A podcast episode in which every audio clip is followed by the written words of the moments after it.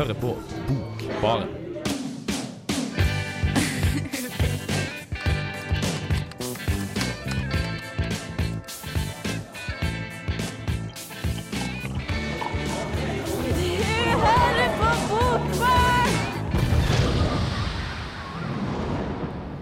Du hører på Bokbarn. Og i dag har vi en ganske spesiell sending. Ikke nok med at det bare er meg og Kristine i studio i dag, men vi har faktisk barneboksending, som dere er så glad i. Dermed så skal dere snart få hilse på tante Eline og tante Kristine. Stemmer ikke det? Mm, det stemmer, vet du. Vi skal gå inn i klesskapet. Vi skal, skal komme ut på andre sida som eh, to tanter, så ja. Eller tante Brun og tante Fiolett også, da. Det er fine, ja. fine navn. Da skal dere få høre nå.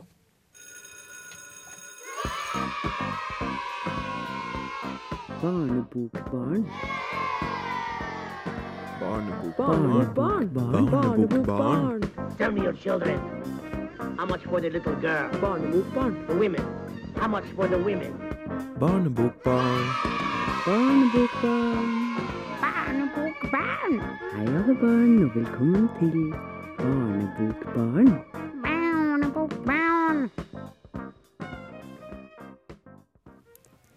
Hører du på Barnebokbarn, og jeg og Eline vi har eh, gått inn i Narnias klesskap og kommet ut på andre sida i, eh, i et helt eh, nytt konsept. Ja. Vi er mm, tante Brun og tante Fiolett, Ja. sånn som i Elsa Beskows barnebok. Så Jeg husker jeg fikk høre den da jeg var lita, men er den ganske kjent, tror jeg? den er veldig kjent. Ja. Jeg husker mormor leste den for meg når jeg var lita. Å, så hyggelig. Det er koselig, vet du. Så vi skal, vi skal begynne mykt i dag, og så skal vi snakke om eh, Astrid Lindgren.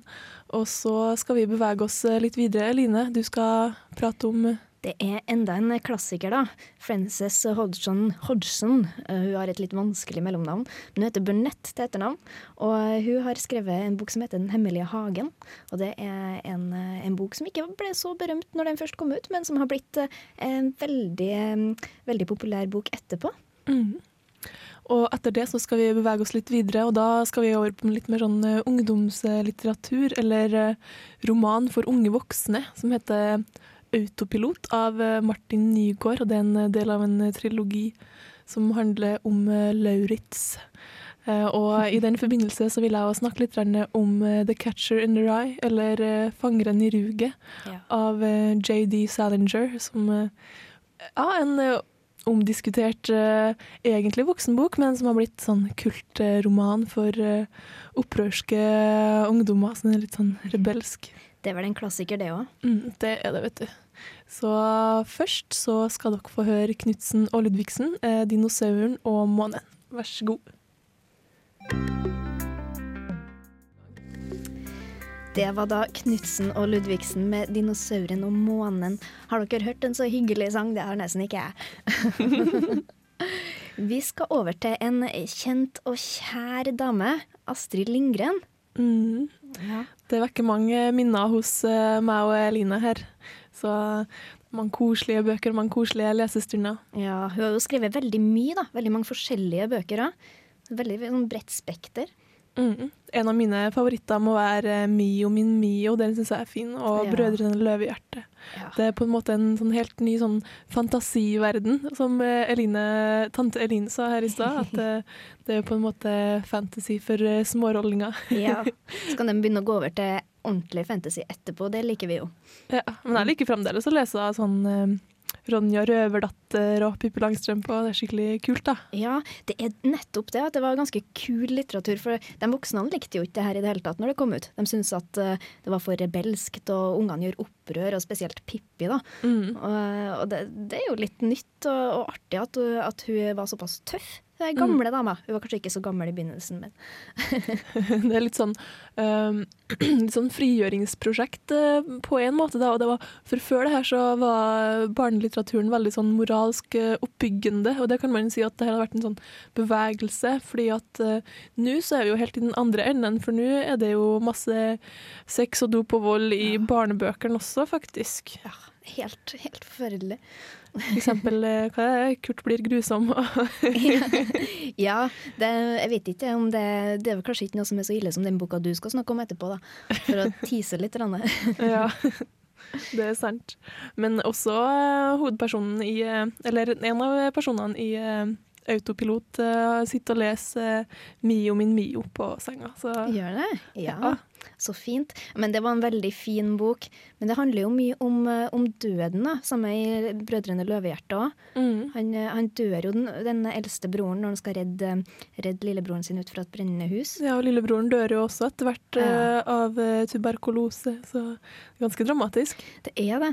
Jeg husker jeg overhørte når jeg var lita, så husker jeg mamma snakka til, til ei venninne om at eh, ja, hun var nå, hun syntes nå det var fine bøker, det her eh, Brødrene Løvehjerte og sånn, da, men hun var nå litt redd for at kanskje ungene kom til å hoppe ut av vinduet for at de trodde at de kom til å komme til sånn fint fantasiland. Kanskje, kanskje de kommer til å prøve å skade seg sjøl.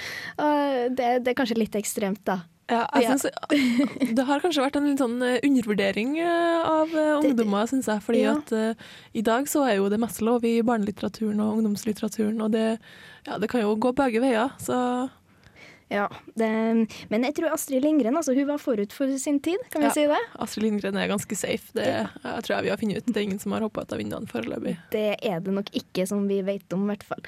Vi skal høre litt mer om Astrid Lindgren.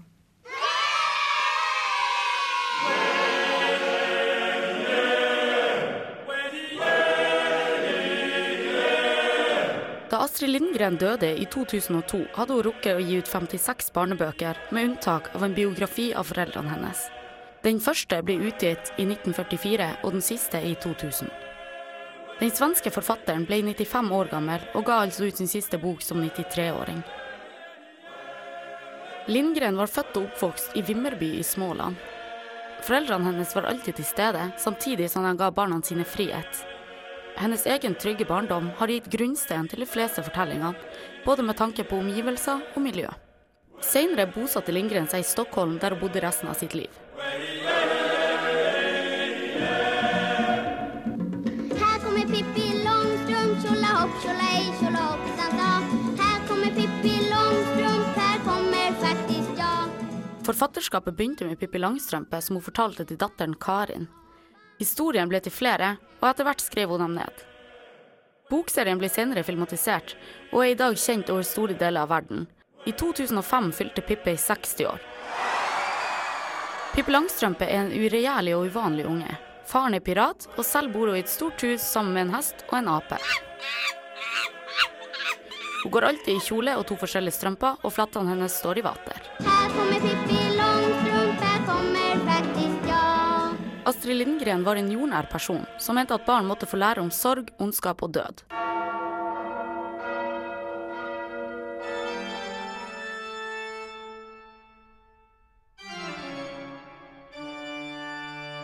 I Mio min Mio skildrer ondskapen i ridder Cato, og i Brødrene Løvehjerte skrev hun om døden. Mio min Mio handler om en gutt som reiser til landet i det fjerne, hvor han er prins og nedkjemper den onde ridder Cato. Brødrene Løvehjerte dreier seg om de to brødrene Jonathan og Carl. Carl er dødssyk, sannsynligvis tuberkulose, og når huset de bor i begynner å brenne, hopper Jonathan ned tre etasjer med broren på ryggen. Fallet dreper Jonathan, og han kommer til landet etter døden. Ikke lenge etter kommer broren Carl, da han døde av sykdommen. Flere av bøkene hennes har blitt lagt til filmen, bl.a. Vi på Saltkråkan, Emil i Lønneberget og Ronja Røverdatter. I Vi på Saltkråkan møter vi to familier som har sommerhus på en øy i den svenske skjærgården. Noen voksne, mange barn, og deriblant en ganske lubben en, og en diger hund. Emil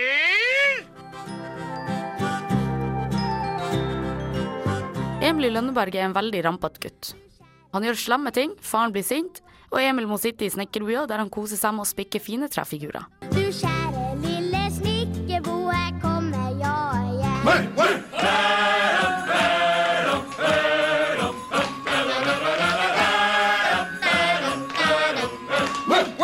Ronja Røverdatter vokste opp sammen med far, mor og alle røverne i Mattisborgen, og tilbringer tida med å løpe rundt i Mattisskogen. En dag møter hun Birk Borkason. Birk er sønnen til farens verste fiende, og de bor i den andre delen av Mattisborgen, som blir delt i to under en lynnedslag. Ronny og Birk leker sammen til alle døgnets tider, og det ender med at familiene slutter fred.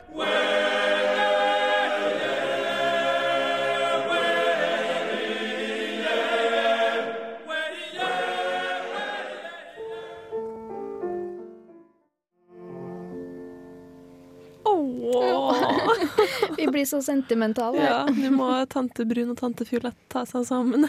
Ja. Det ble veldig mimring. Det var altså Alf Prøysen med 'Lillebrors vise'.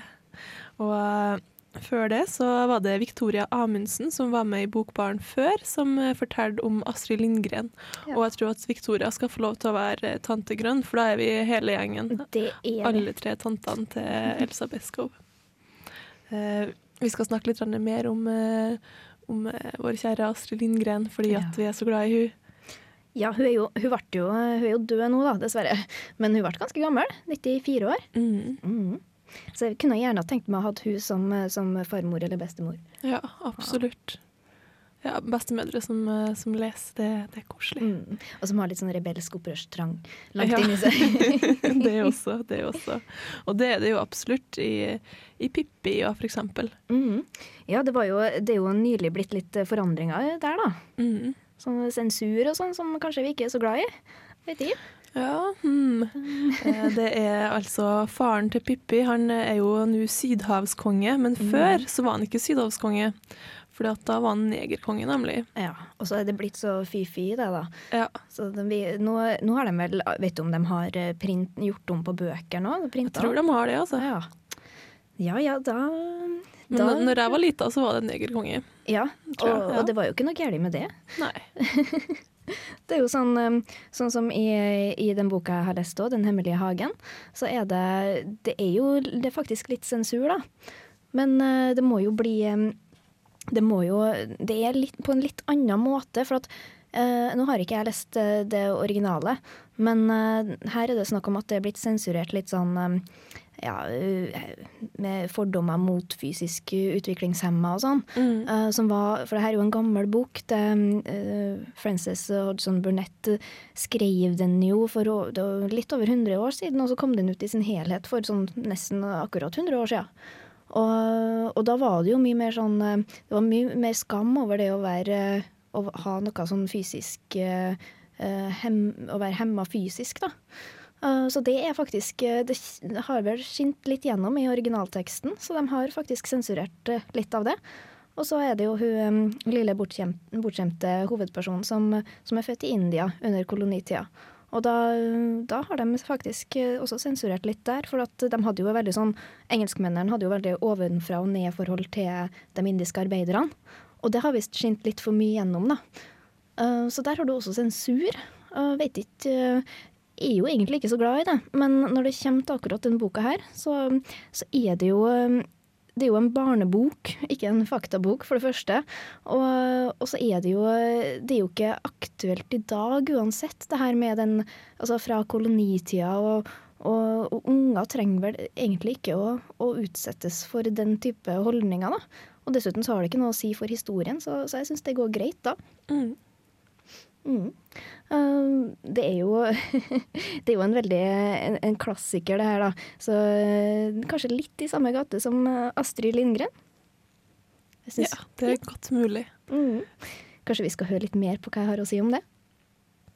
Jeg skal innrømme at jeg var litt smånervøs da jeg skulle lete frem Frances Hodgson Burnetts barnebok 'Den hemmelige hagen', for å lese den igjen, etter at jeg som lita fikk den lest for meg. Det er jo gjerne sånn at det man opplever som fantastisk og vidunderlig når man er liten, mister sin magi når man vokser opp, og jeg var redd for å ødelegge et fint barndomsminne. Men den gang ei. Burnetts fortellerevne og detaljrike beskrivelser av vakre omgivelser, mystiske hemmeligheter og et sjarmerende persongalleri viser seg å falle i smak også 15 år etter, og boka forsvarer sin status som klassiker. Den hemmelige hagen handler om bortskjemte lille Mary Lennox, som etter å ha bodd fyrstelig i India, ble sendt til Misseltwaite herregård i England for å bo hos sin onkel. Mary får erfare at hun ikke lenger kan herske over alt og alle som den egenrådige ungen hun er, og utvikler seg etter hvert til å bli et ganske annet barn enn det hun var i utgangspunktet. I tillegg ser det ut til at den enorme herregården med alle sine lukka rom huser mystiske hemmeligheter. Og når Mary finner nøkkelen til den hemmelige hagen, begynner den ved hennes hjelp å vekkes til live.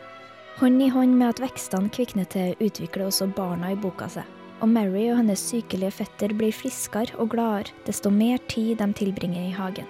For oss litt eldre lesere kan hagen dermed fungere som en metafor på psykisk helse, og på det å få utvikle seg og vokse opp.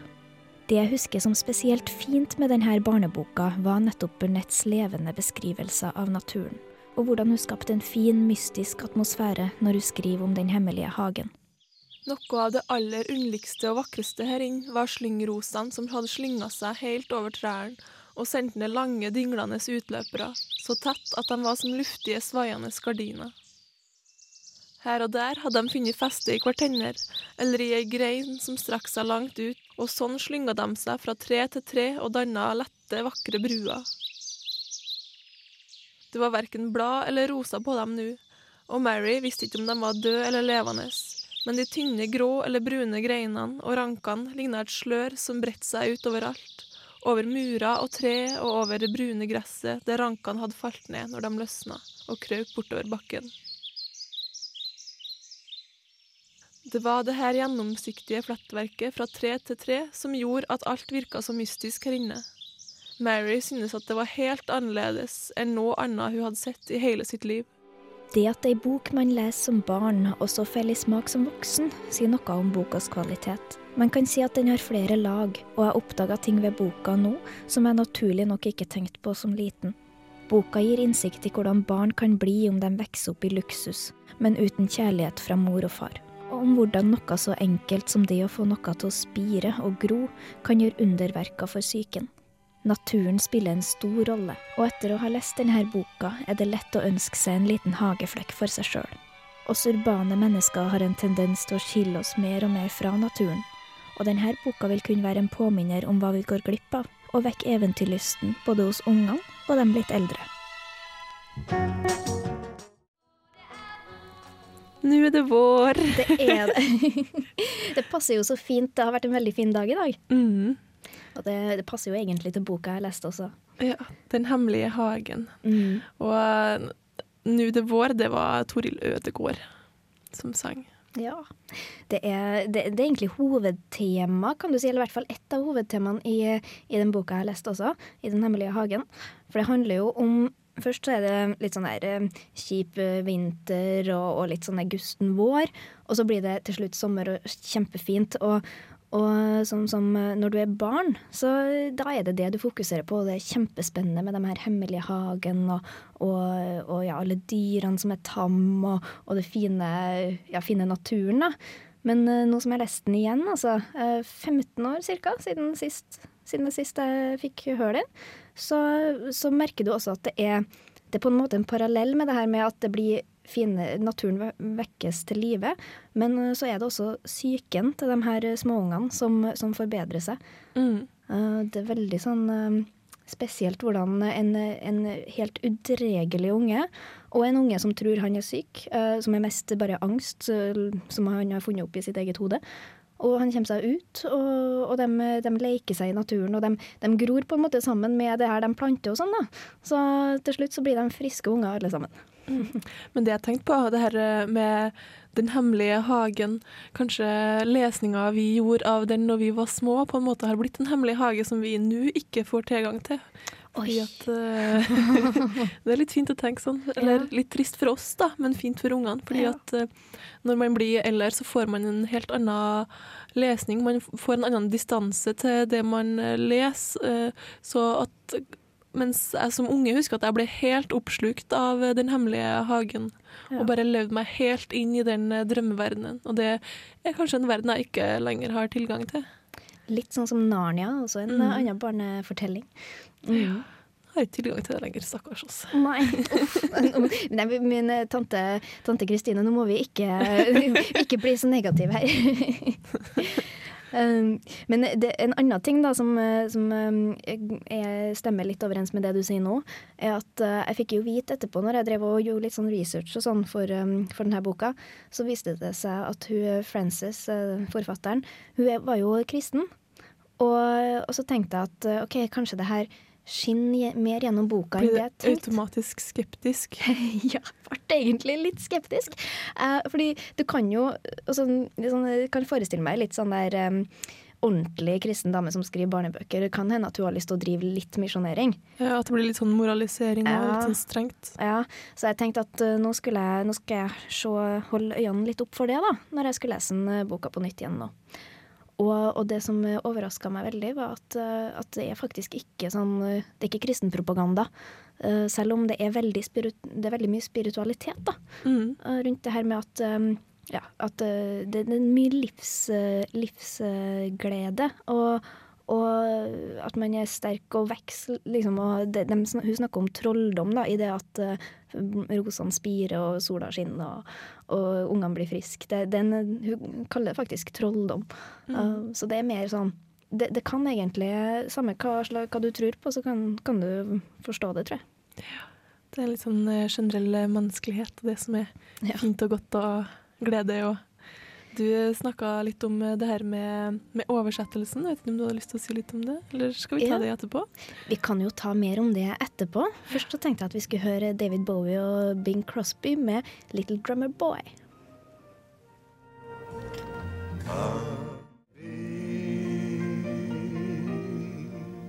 Ja, hallo, ja. Du, Trondheims eh, vakre fjell og Nidelv ja, det er Tore Renberg her. Dette er studentradioen i Trondheim. Og du er jævlig heldig som har på den. Uff, banner vi på barneboksendinga? Ja ja, sånn skjer.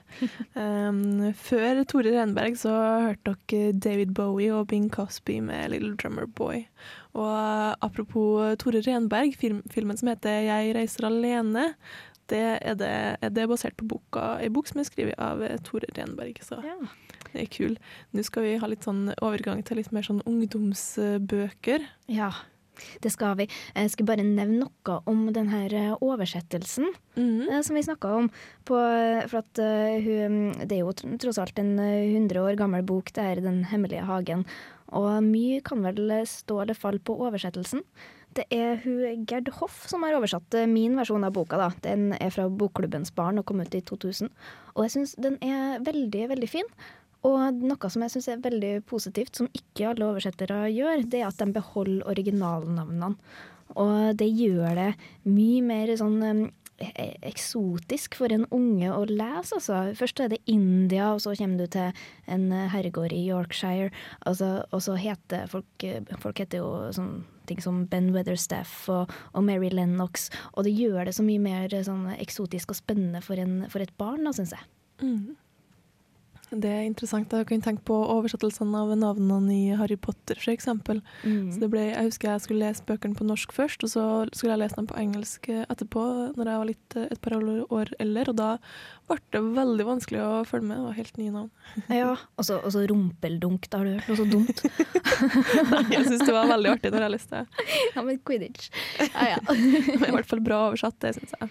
ja, han er jo en, eh, han er jo en, det er Torstein Bugge Høvestad, det. Mm. Han er en, eh, en eh, respektert oversetter. Ja. Men jeg, kan, jeg likte ham kanskje best på engelsk, da. Ja, det blir gjerne sånn. Det, jeg husker jeg leste dem, jeg tror jeg leste de første tre på, på norsk når jeg var yngst, og så går det over til engelsk etterpå, Mm. når du blir eldre. Og når vi snakker om å bli eldre, så har jeg en bok her som, eh, som det står 'Roman for unge voksne' på. Og den er fra Hurra forlag. Ja. Den heter 'Autopilot' og er skrevet av eh, Martin Nygaard. Og mm, det er bok nummer to i en eh, trilogi som handler om, eh, om eh, Lauritz. Og mm, han er en gutt som bor i Oslo. Eh, Han er 15 år gammel og har en litt sånn eh, ja, ungdomskrise. Det er når eh, hormonene raser som eh, verst, og det er mye som skjer, og det er vanskelig å følge med på skolen, og man blir forelska, og det er på en måte noe som alle kan kjenne seg igjen i. Og jeg ble helt satt tilbake til den eh, følelsen av å være sånn 14-15. Uff da, stakkars. Og det er ikke bare greit. Eh, Jeg satt, satt på universitetets eh, lesesal og leste denne ungdomsboka, og tok meg sjøl i å flire høyt til dem som satt rundt meg, sin store forargelse. Så det går fremdeles an å, å glede seg over det her. Eh, Og den boka her er anbefalt for eh, 14- til 16-åringer. og Ja, det er en sånn eh, ganske typisk, eh, typisk ungdomsbok. Da. Den får meg til å tenke på The Catcher in the Rye, eller eh, Fangeren i ruget av JD Salinger, som handler om Holden Caulfield. Og det tror jeg forfatteren har tenkt bevisst på også, fordi at hovedpersonen i denne boka her heter akkurat Holden til mellomland. Han heter Lauritz Holden Liguster. Oi, en sånn litt intern referanse der, da. Ja, Mm, det er jo litt spennende. Mm, og det, den er ganske spennende å lese for meg også nå, for det, er, det er mange referanser spesielt til rockemusikk. Det er Led Zeppelin, og det er Beatles, og ja, masse sånne kule ting. Eh, og det, det syns jeg er veldig fint å, å lese, da, for Ja. da får man litt sånn kulturell input på den Men, eh, eh, fronten. da. Ja. Men tror du 14-åringer i dag hører på Led Zeppelin og Beatles, da?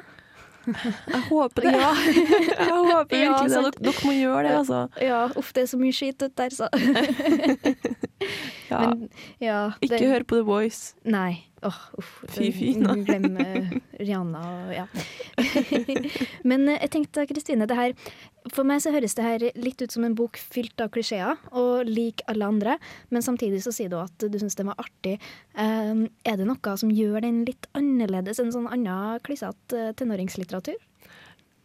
Ja, det For det første så er det alle disse rockereferansene, og han, eh, han eh, Lauritz han er en veldig kul fyr. Han er en av de kuleste på, på skolen, men han vet ikke det sjøl. Og det er det som er litt stilig, da. Fordi at eh, Og ja, han bor jo i Oslo, da, og da får han mange sånne input. F.eks. en av kompisene hans, en uteligger uteligger, som han snakker med i parken på vei til skolen hver dag. Og på en måte den eh, livsvisdommen som han får inn der, blir på en måte litt sånn um, alternativ eh, til faren hans, da, som kanskje ikke er der så mye som han eh, skulle ha vært. Ja. Uh, og det er jo typisk i, i sånne bøker. Det er det. Men eh, ja, så, så du, vil du eh, Hvem tror du den passer for, da? Hvis vi har For jeg tenkte, den boka jeg har lest, det er vel sånn ja, ni til ti, tolv år. Eh, kanskje åtte også, egentlig. Uh, og, og Astrid Lindgren vet jo, passer jo, det kan jo alle lese. Men det her, da? Ja, det var jo snakka om det her med at det på en måte ikke er så veldig oppbyggelig barnelitteratur lenger. At det, den er litt sånn eh, grovere, og det er stygt språk, og det handler om sex og vold og masse røyking og alkohol og sånn. Um, så, men jeg tror, at, jeg tror ikke at det er så farlig. jeg. Nei. Man ser det på nyhetene, det er ille nok, det. Det, jeg tror de får, de får nok sånn lell. Ja. Det- kanskje vi undervurderer jo ungdommen. Ja, det er ikke så lenge siden jeg har vært ungdommer sjøl, så tror jeg tør ganske mye, altså. Jeg tror det. Har du lyst til at vi skal høre litt mer om hva du syns om denne boka? Ja, her får dere mer om eh, autopilot. Og først så skal vi høre Lillebjørn Nilsen med 'Barn av regnbuen'.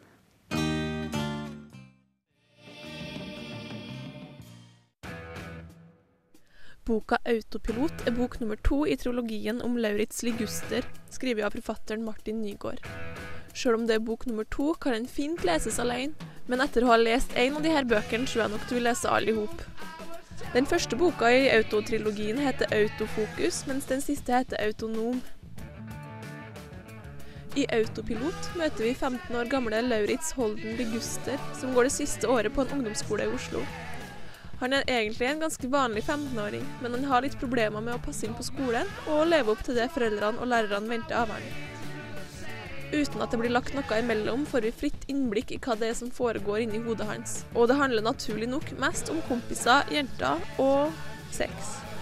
Eller mer mangelen på sex.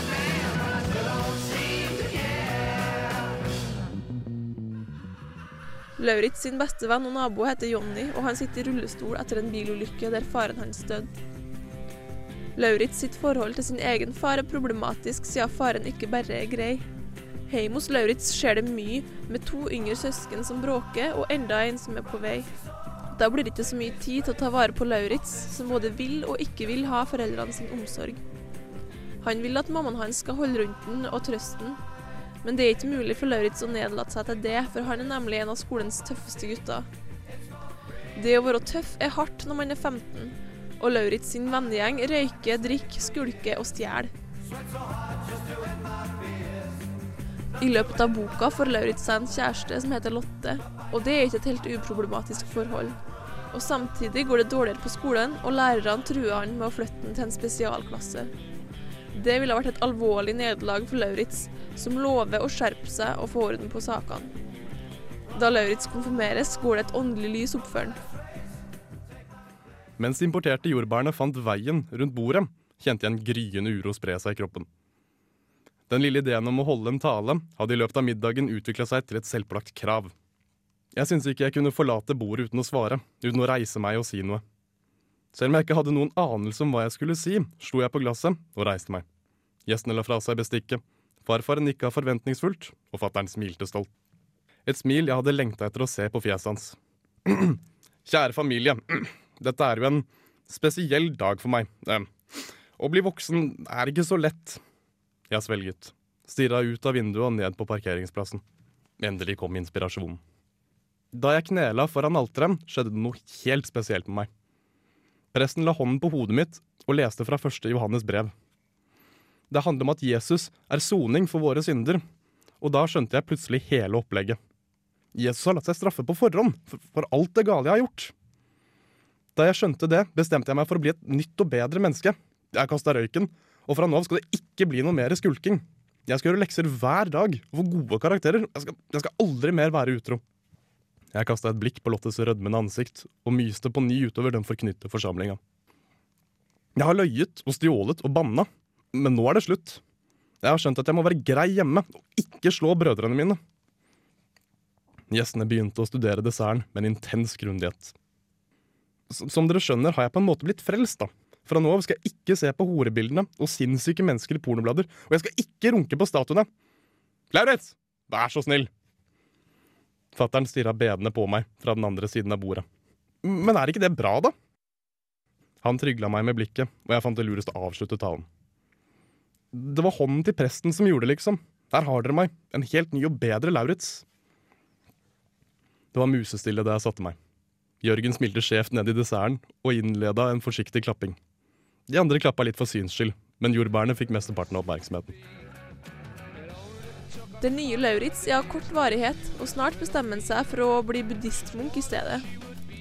Forholdet til Lotte er slutt etter at hun kyssa Jonny, og så blir sammen med PK, en annen av Lauritz sine kompiser. Heldigvis ordner det seg mellom Lauritz og Jonny i alle fall, men da de begge havner i trøbbel og Lauritz sin eksamen går til helvete, tar han en drastisk avgjørelse. Planen hans klarer han ikke helt å gjennomføre, og han kommer hjem igjen i munkekostymet sitt for å bli med på bandet sin opptreden. Hvordan det går videre, det må du lese sjøl.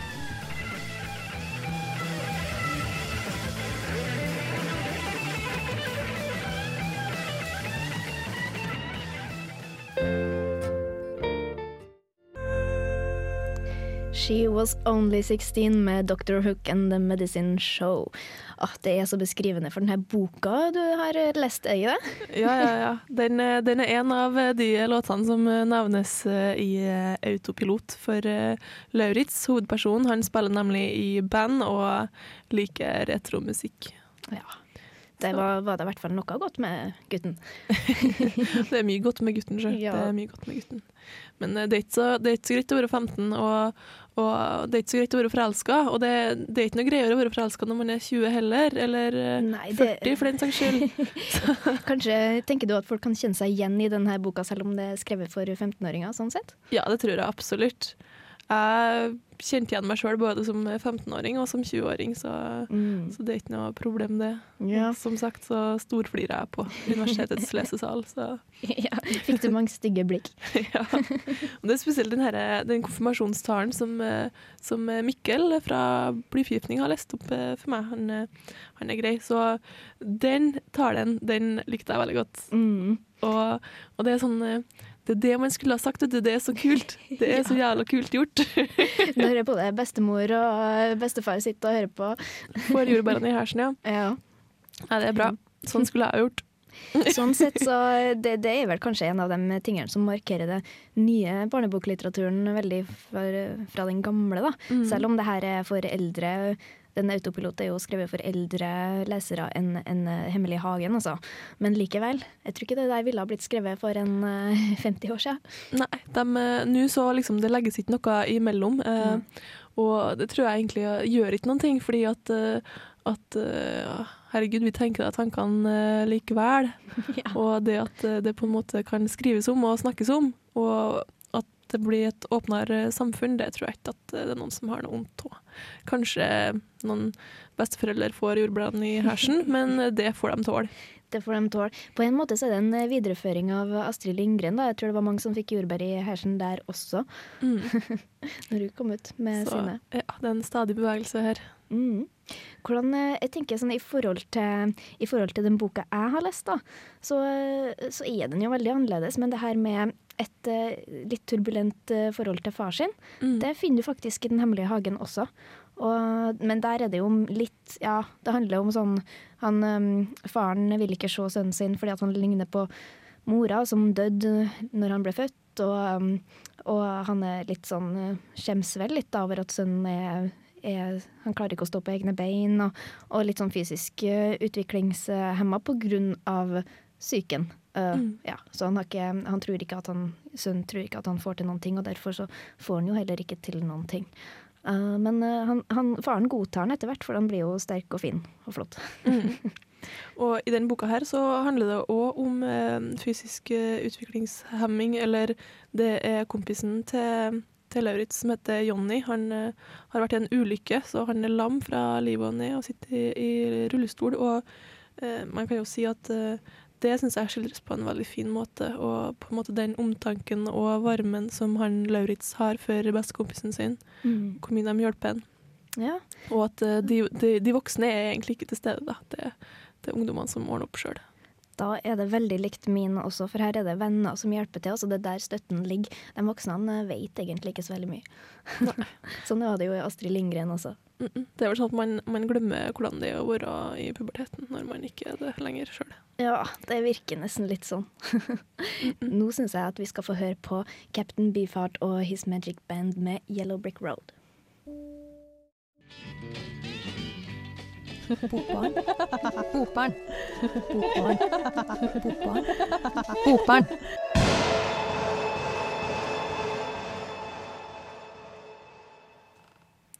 Yellow Brick Road, Captain Beefheart and His Magic Band. Eh, Det er også en av eh, låtene som eh, nevnes i Autopilot av Martin Nygaard. Veldig kul bok. Litt mer rocka enn det vi har snakka om tidligere. Ja, og, og når, når jeg leste den, så tenkte jeg jo automatisk på The Catcher in the Rye, eller eh, Fangeren i ruget, som handler om eh, Holden Caulfield, som eh, er en litt eldre ungdom, da, men som har mange av de samme problemene. Han er opptatt av jenter og slitt på skolen, og, og jeg har litt sånn identitetskrise, har ikke helt uh, funnet seg sjøl. Mm. Og, og det er veldig sånn eh, noe som går igjen i den type ungdomsbøker. Men eh, det er jo veldig aktuelt. Ja, det, altså, alle har jo vært der. Ja. Og, og han eh, Lauritz han går jo fra å være nykristen til å bli buddhistmunk og ja. Ja, akkurat det er vel noe som kan karakterisere litt sånn nyere barneboklitteratur. At det er veldig sånn fargerikt sånn sett. Da. Det, er mye, det, er mye, ja, det, det spriker i alle retninger. Ja. Alt er lov. Det med buddhismen, da ble jeg glad. Ja. For du trodde vel at det var litt sånn der kristenpropaganda først, du òg, gjort ikke du? Ja, da jeg kom jo halvveis i boka, så var jeg veldig bekymra. Men eh, nei, det var ikke det, så da ble jeg glad. Så det, det er jo sånn at du skal være nå, så skal vi være så åpen eh, for alt, på en måte. Så Mm. alt, alt går inn. Så ja. Noe, den der boka var jo ganske lang, da. Det, er vel kanskje for at det er for 14- og 15-åringer. Men eh, noe som jeg savner litt da med den gamle barneboklitteraturen, sånn som med Den hemmelige hagen, så kan du lese ett kapittel hver natt eller hver kveld, eh, og så tar det lang tid før du er ferdig. Ja, det er jo veldig koselig, da. Vi har snakka om eh, Astrid Lindgren, og det er Victoria Amundsen som er tante, eh, tante nummer én her, som eh, har laga den saken. Og vi har prata om eh, Den hemmelige hagen av Francis Hodgson Burnett og Martin Nygaards eh, autopilot. Nå skal tante Brun og tante Fiolett si eh, takk for seg, og så må dere kose dere med Cornelius Bresjvik og turistens klagene på Karl Johan. Unga